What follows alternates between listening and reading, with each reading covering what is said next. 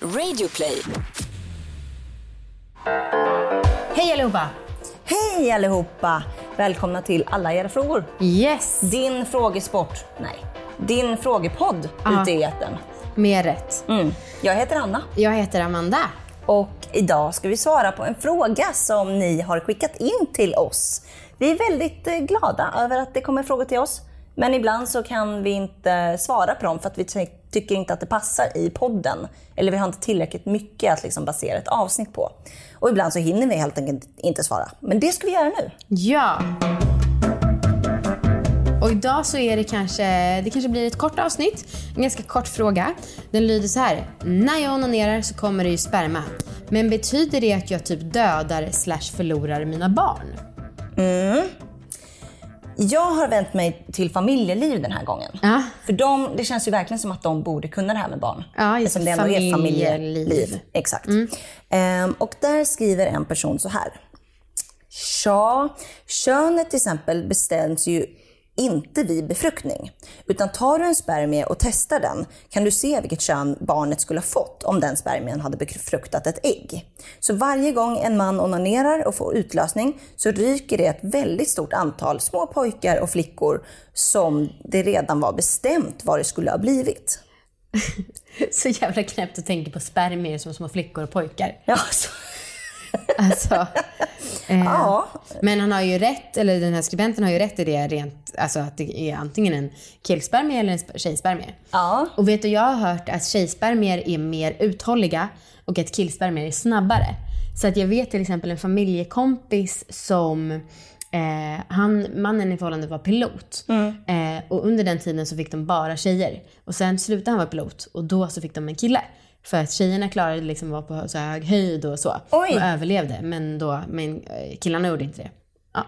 Gud vad Ja, intressant. verkligen. Det är ju högst ovetenskapligt just den lilla case studyn, men eh, ändå något jag tyckte passade in här. Ja. Ja, men låt oss ge vårat svar på saken då. Eh, jag vill bara säga att det är sinnessjukt att tänka så här. Mm, ja. Alltså en sats innehåller ju väldigt, väldigt många spermier. Är man alltså massmördare deluxe. Flera Ja. miljoner. Nej men alltså det finns ingen som har dödat så många. Eh, Nej, inte ens Hitler. nej. Och då tänker jag så här, hur ska man då någonsin våga ha sex? Eller onanera? Om man ska tänka i de här banorna. Ja. Och så undrar jag, betyder det att folk som sväljer sperma sväljer barn Kannibal. Och att då barnen simmar ner i magen och sen kan börja växa. Eller liksom, vad händer sen?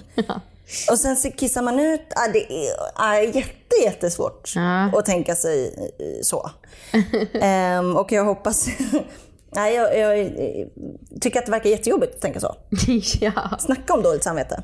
ja, verkligen. Mm, men sen, men sen beror det ju också på, alltså för att det här då, råder ju lite delade meningar när man menar att liksom eh, spermierna, spermierna slash embryot slash fostret blir en levande människa. Um, är det när det bara är en spermie? Eller är det när det blir en befruktning i ägget? Är det när hjärtslag har börjat? Är det när de har fått en mänsklig form? Ja. Det är väldigt många olika liksom, variabler Ja. här.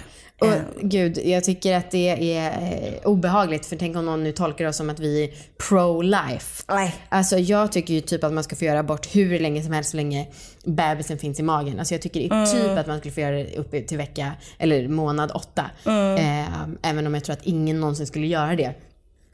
Nej, Men, ja, eh, jag håller med. Men folk blir ju så jävla galna när man pratar över abort. Men ingen blir ju arg över runkande. Så det är ju bra att vi har någon som då ifrågasätter även runkandet. Eftersom att abort ifrågasätts så mycket. Ja, ja men faktiskt. Nej, men vi är ju väldigt pro-abort. Ah, Ja. Och att eh, det är faktiskt kvinnans liv det handlar om. ah, Mm. Men det har inte så mycket med frågan att göra. Utan Nej. det har ju mer med sperman och utlösning att göra. ja, just det. Mm.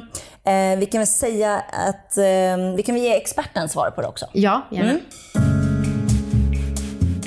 Enligt Världshälsoorganisationen så räknas ett foster som ett juridiskt barn från den 22 graviditetsveckan. Ja.